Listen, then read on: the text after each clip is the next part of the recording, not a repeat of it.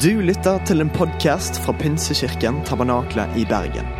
Vi tror at kirken skal være en plass hvor mennesker trives gjennom alle livets faser.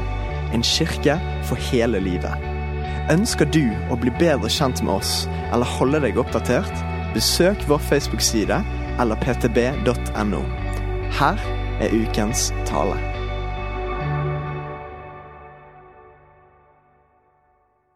Jeg har lyst til å, å starte bare kjapt med å minne om hensikten vi har med å møtes til en gudstjeneste som dette. Og Det er flere hensikter i det, og en av de fine tingene og fine fordelene er jo at vi får se hverandre sånn som vi gjør akkurat nå. og Det er jo veldig kjekt. Se litt på folkene rundt deg. Men nå er det litt sånn her kleint. Tenk om du møter eh, får øyekontakt med noen du ikke vil ha med øyekontakt med. Ja, Men det er fine folk rundt dere, ikke det? Mm,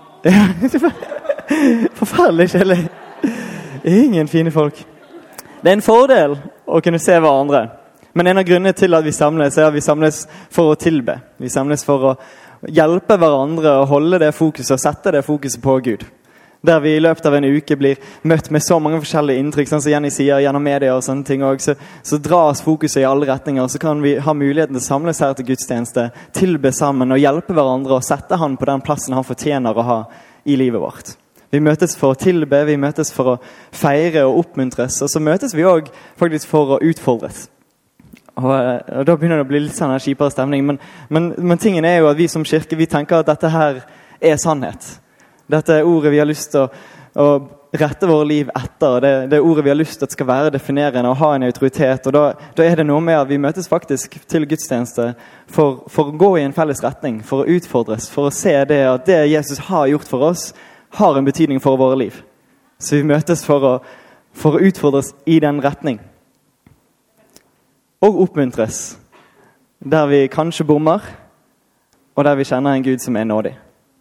Hele veien. Det er det som er så fint. Det er det som gjør at vi kan være en kirke for hele livet. Det er det som gjør at vi kan invitere inn her og si at her er det rom for hva enn du går gjennom akkurat nå. Her er det rom for ditt liv, her er det rom for din fase, dine tanker, dine spørsmål. Fordi at hvis ikke så måtte vi, de fleste av oss, gått, egentlig. Og med den eh, sånn, eh, spennende, litt sånn skumle introduksjonen, så dere tenker sånn Hva skal vi snakke om i dag? Eh, så skal vi snakke om penger! Og noe så påtrengende som å snakke om penger, og hva du bruker penger på. Eh, og først og fremst så handler jo det om at eh, vi, vi snakker om våre liv. Vi snakker om våre liv i etterfølgelse av Jesus, vi snakker om vårt disippelskap. Og penger er jo en enorm del av livet. Og da er vi jo nødt til å snakke om det. Opp med hånden hvis du har brukt penger den siste uken.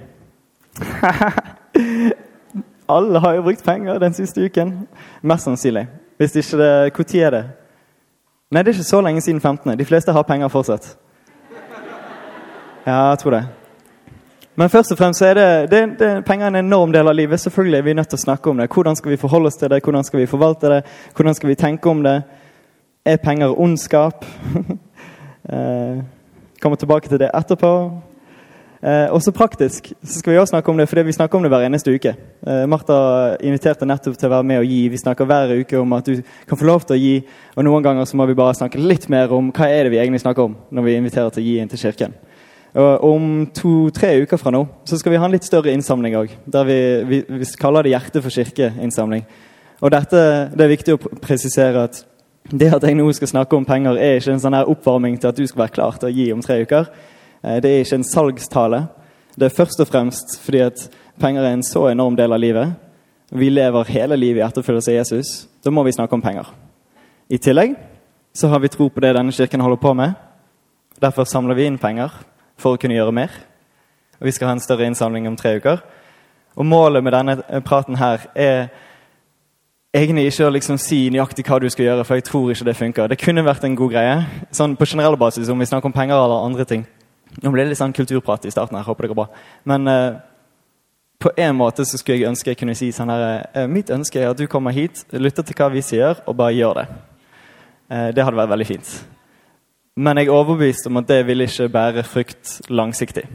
Derfor er mitt ønske at du kommer hit og, og anerkjenner det at det er folk her som, som, bruker så mye tid, bruker så mye av sitt hjerte, av sine bønner, av sin, sin, uh, sin energi, fordi de ønsker å sette en retning og gå foran for dette fellesskapet her. Så jeg har lyst til å oppmuntre deg til å stole på det.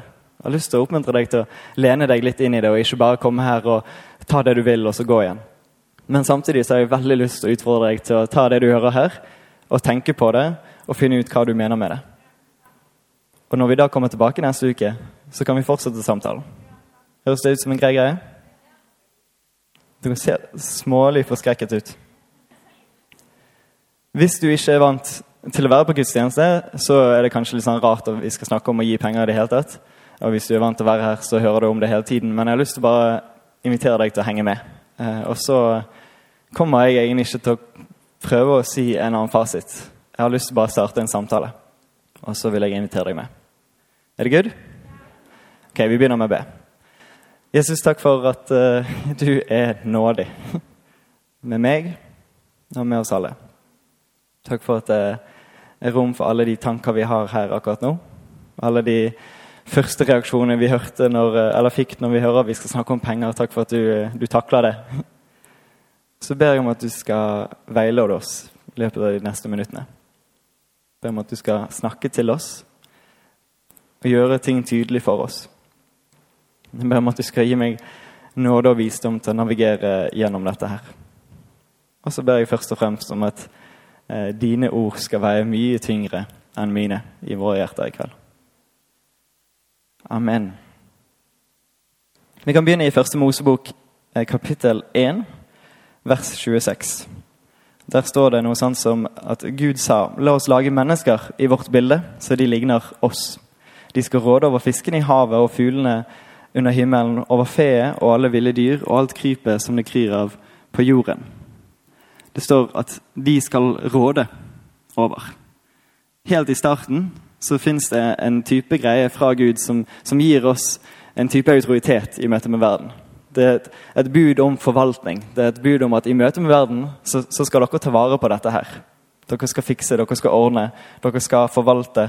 Og inni dette så er det jo da forståelsen av at alt dette er jo gitt til oss. Og det som er gitt til oss, får vi beskjed om å forvalte. Så en grunnleggende tanke når vi skal begynne å snakke om penger nå, er at vi skifter litt mindset fra at vi er ikke først og fremst eiere som bare har alt, med det kristne perspektivet vi har. Så tror vi egentlig faktisk at alt har blitt gitt til oss. Vi forvalter det, og så går vi videre. Helt annet mindset enn hva resten av verden viser oss. Men det er utgangspunktet for praten vår. Neste store spørsmål er om er vi påkrevd å skulle gi tiende. Og, og hva er tiende? Det kan være noen som lurer på det. Det snakkes om et par steder i Gamle testamentet, og eh, kanskje først og fremst med utgangspunkt i, i Tredje Mosebok, så står det om en, en lov at 10% av alt som produseres av, av korn, av hvete, av frukt og bær og av dyr 10% av det skulle vies til Herren. 10% av det skulle settes til sides til Gud. Derfor kommer begrepet tiende. Og man fikk det budet var 10% Det skulle alltid gå først til Gud. Det hørte sammen med Moseloven og levittordningen. Levittene det var de prestene som håndterte tempelet. og Det var, det var her dette konseptet kom ut ifra. fordi at de andre levittene var en av de tolv stammene som israelsfolket var delt opp i. De andre elleve stammene de skulle gi en tiende til levittene, sånn at de kunne leve på det, mens de styrte med tempelet og ordnet med de greiene der. En veldig praktisk ordning. Så kan du tenke den levittordningen lever jo ikke så veldig sterkt akkurat nå. Eh, Pinstekirken sender ikke eh, gavene som dere gir, til levitene et eller annet sted. Den ordningen lever ikke så veldig sterkt. Tempelet, Den tiden med tempelet er egentlig forbi. Faktisk så sier Gud at eh, vi er Guds tempel. Vi går rundt og bærer Den hellige ånd, så da kan man tenke skal jeg gi tiende til meg selv. Kanskje tienden skal gå til treningsstudier for å ta vare på tempelet. Vi er, vi er faktisk ikke under Moseloven. Vi er under nåden. Så ut ifra det så, så, kan man egentlig ikke si at det er et krav for troende, i hvert fall ikke på den måten som det så ut til å være når man var under loven, å skulle gi tiende. Betyr det at det er en dum idé, og vi burde alle, holde alle pengene for oss selv? Nei, det vil jeg ikke tro. Men heller enn å fokusere på konkrete tall, heller enn å stille spørsmål om vi skal gi tiende brutto eller netto, eller, eh, eller førskatt eller etterskatt, eller skal, hvilken del av studielån eller stipend vi skal gi tiende av, heller enn å snakke om alle de tingene der, så er det kanskje mer relevant å snakke om hvorfor skal man gi i det hele tatt. Istedenfor å prøve å finne ut liksom, hva er det jeg er nødt til å gi, så kan vi heller stille spørsmålet hvorfor vil jeg gi? Hvorfor oppmuntres jeg til å gi? Og Hvis dette var den gamle pakten, så er det spørsmålet hva sier den nye? Og Først og fremst så kan man nevne at Jesus snakker en god del om penger. faktisk. Eh, han snakker om penger, han snakker om, om, det å gi av sitt liv generelt. Han snakker om at man må miste sitt liv for å finne det. Det tyder jo på mer enn 10 Det tyder jo på en måte på å legge ned alt. Han snakker om at man, man ikke kan ha to herrer. Hvis, du, hvis, penger er din øverste herre, så går det ikke an at du har Gud som herre i tillegg. Det går ikke an å ha to. Du er nødt til å velge én. Han forteller om en mann som spør hvordan å få evig liv.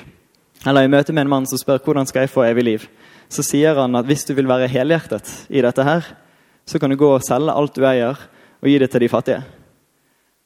Så sånn sett så går man fra Det gamle testamentet og den gamle pakten med 10 eh, til Jesus som sier 'selg alt', og se hvordan du klarer deg. Jesus gjør et nummer ut av at en fattig dame som ga litt, likevel ga mye mer enn det en, en velstående mann ga når han ga en større sum. Så tydeligvis så, så, er det liksom ikke så viktig nøyaktig summene. Det er ikke det det handler om her. Og På den ene siden så, så er Jesus veldig tydelig. Han er veldig tydelig med at han, han oppmuntrer til at man gir. Han oppmuntrer til at man legger ned av sitt eget.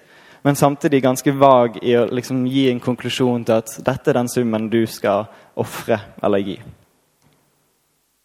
Derfor tør ikke jeg heller å gi deg et tall som du skal forholde deg til etter denne søndagen her. Jeg kan hvis du vil. Det er bare å spørre etterpå. Du kan prøve meg. Men det er vel egentlig nettopp det som, som, er poenget. Det er mindre relevant å snakke om hvor mye som gis, og det er mer relevant å snakke om hvorfor å gi i det hele tatt.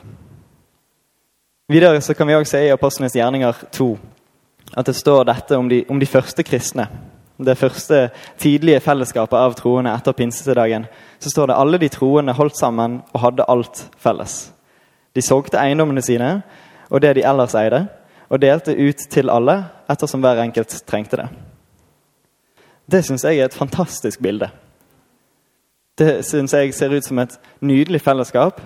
Og så begynner jeg å tenke hvordan ser det ut her? Så begynner jeg å tenke at På Big Five personlighetstesten så scorer jeg ganske lavt på tillit. Og så tenker jeg Jeg vet ikke om jeg er så gira på dette. Eller jeg vet ikke om jeg tror, jeg vet ikke om jeg tror dette vil funke så veldig bra her. Det er noe med dette som, som skremmer oss. Først og fremst fordi vi vet ikke helt hvordan vi skulle begynt å gå frem. fordi Å gi alt høres jo helt absurd ut. Fordi at hele verden sier til oss du må bygge ditt rike. på en måte. Du må bygge opp ditt imperie. Selv om det egentlig korresponderer ganske godt med den eh, forvalter versus eier-tanken. Så vil jo det å bare gi alt gjøre ting mye lettere hvis vi alle bare levde sånn. Så kan man stille spørsmål til eh, ja, vi skjønner at dette funket da, fordi da var det sånn at man ga alt, og da kunne man hjelpe hverandre og man kunne hjelpe de som trengte det mest. Men i Norge har man jo velferdssystemet, og da trenger vel egentlig ikke Kirken å være de som hjelper, hvis staten hjelper.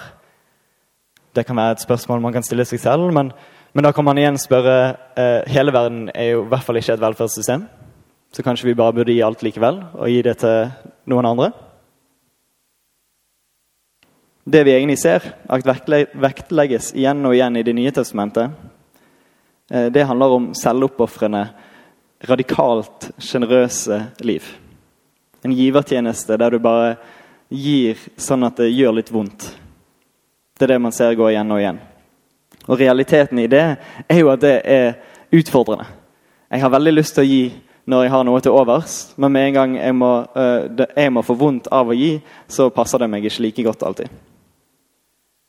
Men selv om tiden i seg selv ikke kanskje er en påkrevd greie fra troende, så er det ikke sånn at vi ikke utfordres til å gi av oss selv likevel. Hør på denne setningen. Det er Paulus som skriver Dere kjenner vår Herre, Jesu Kristi nåde. Enda han var rik, ble han fattig for deres skyld, så dere skulle bli rike ved hans fattigdom. En veldig nydelig setning om Jesus' nåde til oss, og om hvordan han ofra sitt liv, hva han gjorde for oss, hvordan han legger ned sitt for oss. Og Det minner oss om et kanskje hakket mer kjent eh, dikt i Filippane 2 som, som, sier at uh, Jesus var i Guds skikkelse og så det ikke som et rov å være Gud lik. Det, det, er noe fint og vakkert med dette. og Du skulle tro at det var tatt ut av en, en lang uh, samtale om en teologisk avhandling om Guds transcendens og immanens og hans inkarnasjonsteologi og hvordan liksom Gud ble menneske og hvordan det påvirker oss. Men, men det er faktisk en sykt mye mer praktisk samtale enn det. Det er en samtale om penger. Det er Paulus som spør korinterne om å få gang på å bli ferdig med den innsamlingsaksjonen de hadde til kirken i Jerusalem. Der kommer denne store teologiske, fine setningen. Men kanskje det er nettopp det. Altså at eh, denne forvaltningen av våre penger og ressurser også er noe som handler om høyden og dybden av evangeliet. At pengene, hvordan vi håndterer dem, går direkte inn i dybden av hvem Gud er.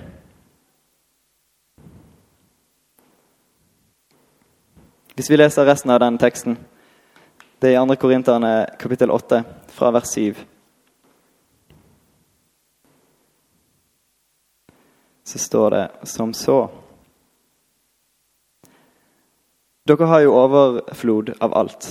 Av tro og tale, av kunnskap og iver, og av den kjærlighet dere har fra oss. Så må dere også med denne gaven vise deres overflod.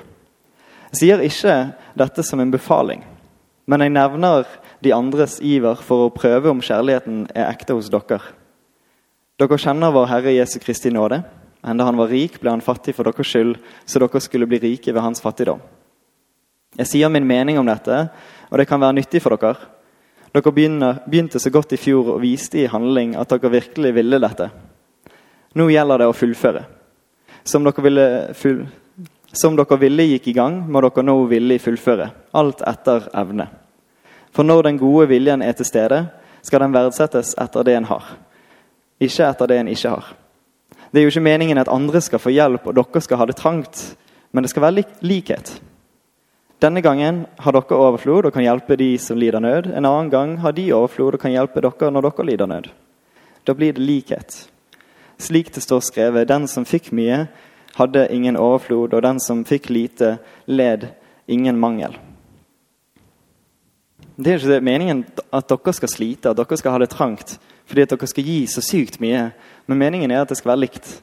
Og man skal møte de andre som har et behov, og vi kan være med og fylle det. Det er det han sier her. Det er en grunnleggende Guds rikeverdi. Man ønsker å se likhet. Man ønsker å se at folk skal ha nok. At de skal ha det de trenger. At alle skal, skal kunne overleve. Og Det siste vi leste, den som fikk mye, hadde ingen overflod, og den som fikk lite, led ingen mangel. Det er en referanse til andre Mosebok, kapittel 16. Den gangen når Gud eh, fikk det til bare å være brød på bakken om morgenen. Veldig rar eh, fortelling, egentlig. Glutenallergikers verste mareritt. Men det er, en, det er, en, referanse til da, fordi de, de fikk beskjed av Gud at de skulle bare gå ut og samle inn det de trengte. Noen samlet inn mye, noen samlet inn mindre, men de fikk alle bare det de trengte. Alle hadde nok, alle hadde likt, alle hadde rikelig. Og så er det sykt mye mer å kunne gå inn i på den om det temaet, men det kan vi gjøre en annen gang. Men, men, dette ble jo på en måte et forsmak på Guds rike. På vei til det lovede land så gir Gud dem det de trenger. Alle våkner, og så plutselig har de bare det de trenger. En forsmak på hva Guds rike kan være. Hvis vi leser et avsnitt til den gangen er det i Apostlenes gjerninger. Og Det er Lukas som skriver denne. og han, han skriver ned avskjedstalen som Paulus har til de eldste eller til lederne i kirken i Efesos. Paulus har begynt å snu seg i retning Jerusalem, og på veien dit så er han ganske overbevist om at uh, han kommer ikke til å komme seg videre derfra. Han er ganske sikker på at han kommer til å dø der, og dette blir siste muligheten til å se disse folkene som han har bodd så mange år med, som han har investert så mye i tid og energi og investert så mye av livet sitt inn i denne kirken. Nå møter han disse lederne, disse vennene hans, for å gi dem en avskjedstale. Og så leser vi fra vers 32 i kapittel 20. Overbevist om at dette er det siste han får sagt til dem. Det, det gjør noe med settingen. Det gjør noe med at liksom, det han sier nå, det må jo være viktig. Og nå overgir jeg dere til Gud og Hans nådeord, som kan bygge opp og gi dere arven sammen med alle de som er blitt helliget. Jeg har aldri vært ute etter sølv eller gull eller klær for noen. Dere vet selv at disse hendene har skaffet meg og medarbeiderne mine det vi trengte. Alltid har har jeg holdt frem for dere at vi må arbeide på denne måten og ta oss av de svake. Husk de ordene Herren Jesus selv sa. Det er saligere å gi enn å få.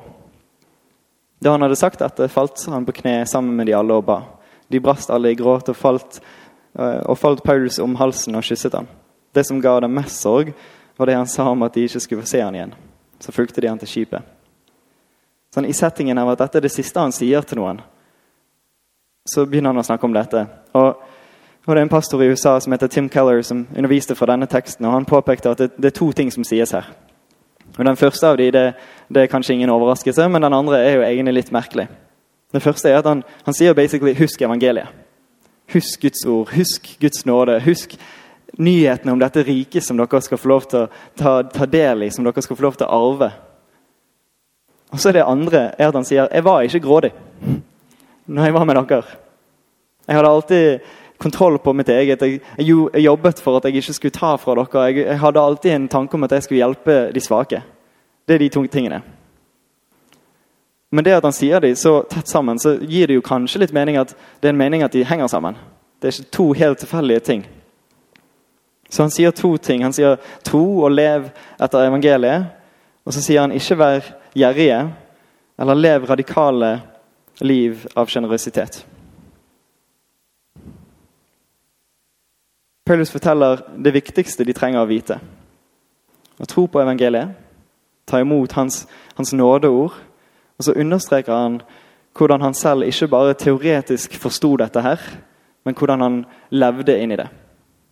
Han hørte ikke bare evangeliet og tenkte sånn her, ja, jeg forstår det der borte, men det han sier, disse to tingene han sier, er tro på evangeliet, ta vare på evangeliet, og husk at dere skal leve det òg. Gir det mening? Nytestamentsteologen N.T. Wright han skriver det sånn som dette. He had lived out the message of the gospel as he had understood it. The message of God's grace, which isn't primarily a theory, but a way of life. An image-bearing way of life. Det Paulus påpeker her, er at dere skal tro på evangeliet, og evangeliet skal få lov til å leve i dere. Det at dere lever evangeliet, gjør at dere går og viser verden hva Guds rike er. Evangeliet er de gode nyhetene om Guds rike som kommer, som er kommet nær. Måten vi lever det ut, gjør det synlig. Guds, Guds nådeord om at Gud ofrer alt for oss. Paulus sier som det siste han sier til disse folkene i Efesos, husk at det er dere som bærer bildet av Guds rikes verdier videre. Så uten at man har noe kanskje veldig konkret som sier så mye skal dere gi, så peker teologien tilbake på en Gud som velger å gi alt. Vi ser i hele Guds natur at han ofrer alltid alt. Han legger ned sitt eget, og så inviterer han oss til å ha samme mindset som Jesus. Å, ha, å, å bli Jesus lik. Og Jeg skal i lys av dette fortelle tre grunner for at jeg har valgt å gi. Tross at tienden ikke er påkrevd. Eh, og Målet er ikke at du skal la deg overbevise fullstendig av mine argumenter, men at det kan være eh, bensin til tankegangen din til å prøve å lande hva du tenker om dette. For på en side så vil jeg jo at du skal bare gjøre som jeg sier. Men jeg tror ikke det er så veldig langsiktig. Men første grunnen til at jeg har valgt å gi, er pga. tillit. For et par uker siden så snakket eh, vår hovedpastor Benjamin om, om Jehova Jire, Herren vår forsørger. En Gud som, som sier jeg skal, 'jeg skal fikse', 'jeg skal gi deg det du trenger'. Jeg skal sørge for at du, du, har det godt. Og så I det bildet så kan vi snakke ganske mye om hva er det jeg egentlig trenger. For jeg tror bildet, eller forståelsen av det for meg som bor i Norge, er nok ganske forskrudd i forhold til hva jeg egentlig bare trenger. Vi snakket om det i life-gruppene etter at Benjamin hadde talt at det vi først og fremst trenger, er jo bare Guds nåde. Og det har jo Gud fikset. Men i tillit til at jeg tror på at min Gud vil forsørge, så ønsker jeg å gi. Og så har jeg lyst til å gjøre det til en sånn aktiv greie i mitt liv. Istedenfor at jeg bare skal gå rundt og vente til jeg en gang trenger noe, og så be til Gud. Så har jeg lyst til å vise det med hvordan jeg styrer økonomien min. At, at jeg har lyst til å sette den på førsteplass. Jeg har lyst til å prøve den. Jeg har lyst til å stole på at når jeg gir denne faste andelen, så, så vil ting ordne seg likevel. Andre tingen er at jeg har lyst til å være sjenerøs. Jeg har ikke lyst til å bli en sånn gjerrig, gammel, gretten mann som, som bare ser dumt på deg når du snakker om å gi til folk. Har du møtt noen sånne? Det er ikke et sånn appellerende bilde. Jeg har, jeg har, ikke lyst til å, har ikke lyst til å være kjent som en som bare holder ting for seg selv. Jeg har lyst til å være sjenerøs. Og så har jeg funnet ut at det å gi fast inn i kirken min har vært en sånn åpner av min økonomi. Som gjør at jeg er vant til å gi. Og da er det liksom ikke så stort steg. Hvis jeg bare hadde holdt fast på alt hele tiden og en gang iblant ble spurt om å gi til noen, så, så tipper jeg at det hadde sittet ganske mye lenger inne. Men fordi at jeg har bare åpnet og startet den vanen av at jeg ønsker å gi, så har det blitt mye lettere. Og så tror jeg at det er liksom Guds natur å være sjenerøs. Jesus ofrer alt. Det ligger liksom bare i hans natur. Han er sjenerøs, han gir av seg selv. Han gjør det fullstendig, og jeg ønsker å speile hans natur. Jeg ønsker å bli Jesus lik. Og Den tredje tingen er pga. tro. Fordi jeg har troen på at Guds rike skal vokse frem i denne verden. Og da har jeg lyst til å sørge for at det begynner med at jeg istandsetter mitt eget liv til å kunne vise det.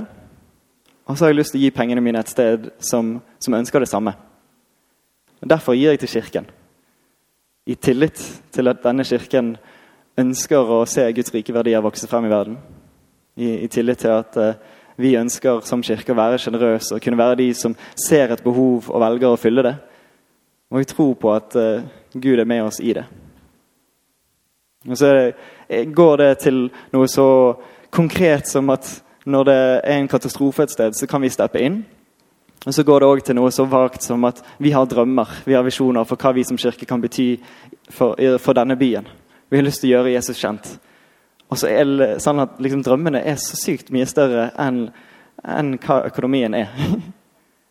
og det syns jeg han burde være, for vi snakker om Guds rike. Men derfor har jeg lyst til å være delaktig i det. Jeg har troen på at Guds rike skal vokse frem. Og jeg har troen på at Gud kaller oss til å være med på det. Og så kan det hende at Hvis du spør meg om fem år at jeg sier tre andre argumenter, eller annet sånt, men jeg er så glad for at jeg ble utfordret til å tenke på disse tingene noen år tilbake.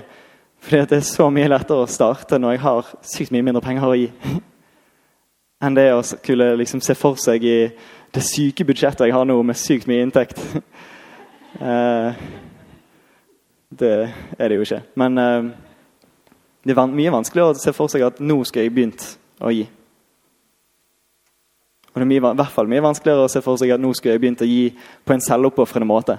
Der jeg bare, ikke, ikke, bare gir liksom 1% fordi Realiteten er jo at de fleste av oss kunne gitt 1 uten at det gjorde noe med hvordan vi levde våre liv. Men jeg ønsker at dette skal være med å styre mine prioriteringer. En grunnleggende løgn som trekker seg helt tilbake til Edens hage, er den tanken om at vi ikke har nok. Gud sier 'se, alt her kan dere ha, bare ikke ta dette her'. Så sier de 'jeg tror ikke vi har nok' Jeg tror vi må ta dette. Og så er det det som liksom fortsetter hele veien. Denne grunnleggende løgnen om at vi har ikke nok, er det som skaper splide, det som skaper splittelse, det det som skaper uro og, og tar vekk freden. Men så kommer det en revolusjonerende sannhet som sier at Jesus er nok. Sannheten om at han kommer til jord, blir menneske. Sannheten om at han dør, han gir alt. Og står opp igjen fra døden for å vise at de klarte ikke å ta det fra meg. 'Jeg har nok til deg'.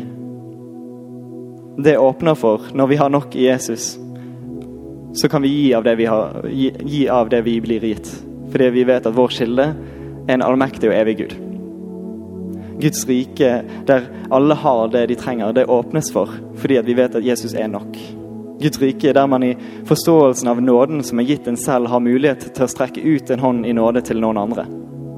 Fordi at Jesus er nok. Du kan få lov til å reise deg opp. Så er dette kanskje en abnormal eh, tale på en søndag, men Det hadde jo vært mye lettere hvis vi bare ga tiende egne. Mye mer konkret. Men det jeg ser, er en Gud som i sin natur gir alt av seg selv. En Gud som oppmuntrer til å legge ned sitt liv for å finne det hos Han. En Gud som sier at hvis du skal finne det evige livet, så må, du, så må du slippe disse tingene som gjør at du tenker at nå har du nok, og innse at det er Jesus som er nok. Og Hvis det kan være det som styrer tankene våre, så tror jeg det kan hjelpe oss litt i å finne ut av hva, hva er det egentlig vi skal gjøre. Hvordan skal vi prioritere? Hvordan skal vi forvalte det som vi har blitt gitt? Vi er nordmenn. Vi har blitt gitt helt enormt mye. Så kanskje vi skal ta det litt på alvor. Så jeg har lyst til å be for oss, og så skal vi lovsynge sammen. Og så har jeg lyst til å utfordre deg til å bruke tid i kveld, bruke tid i tiden som kommer, og stille det spørsmålet hva, hvordan har jeg lyst til å prioritere? Hvordan har jeg lyst til å forvalte det som jeg har blitt gitt? Og la det være bevisst. For du kommer til å bruke penger uansett. Så la det være noe som speiler verdiene dine, istedenfor at det bare dras i dragsuget. Jesus, takk for at du er nok. Du er nok.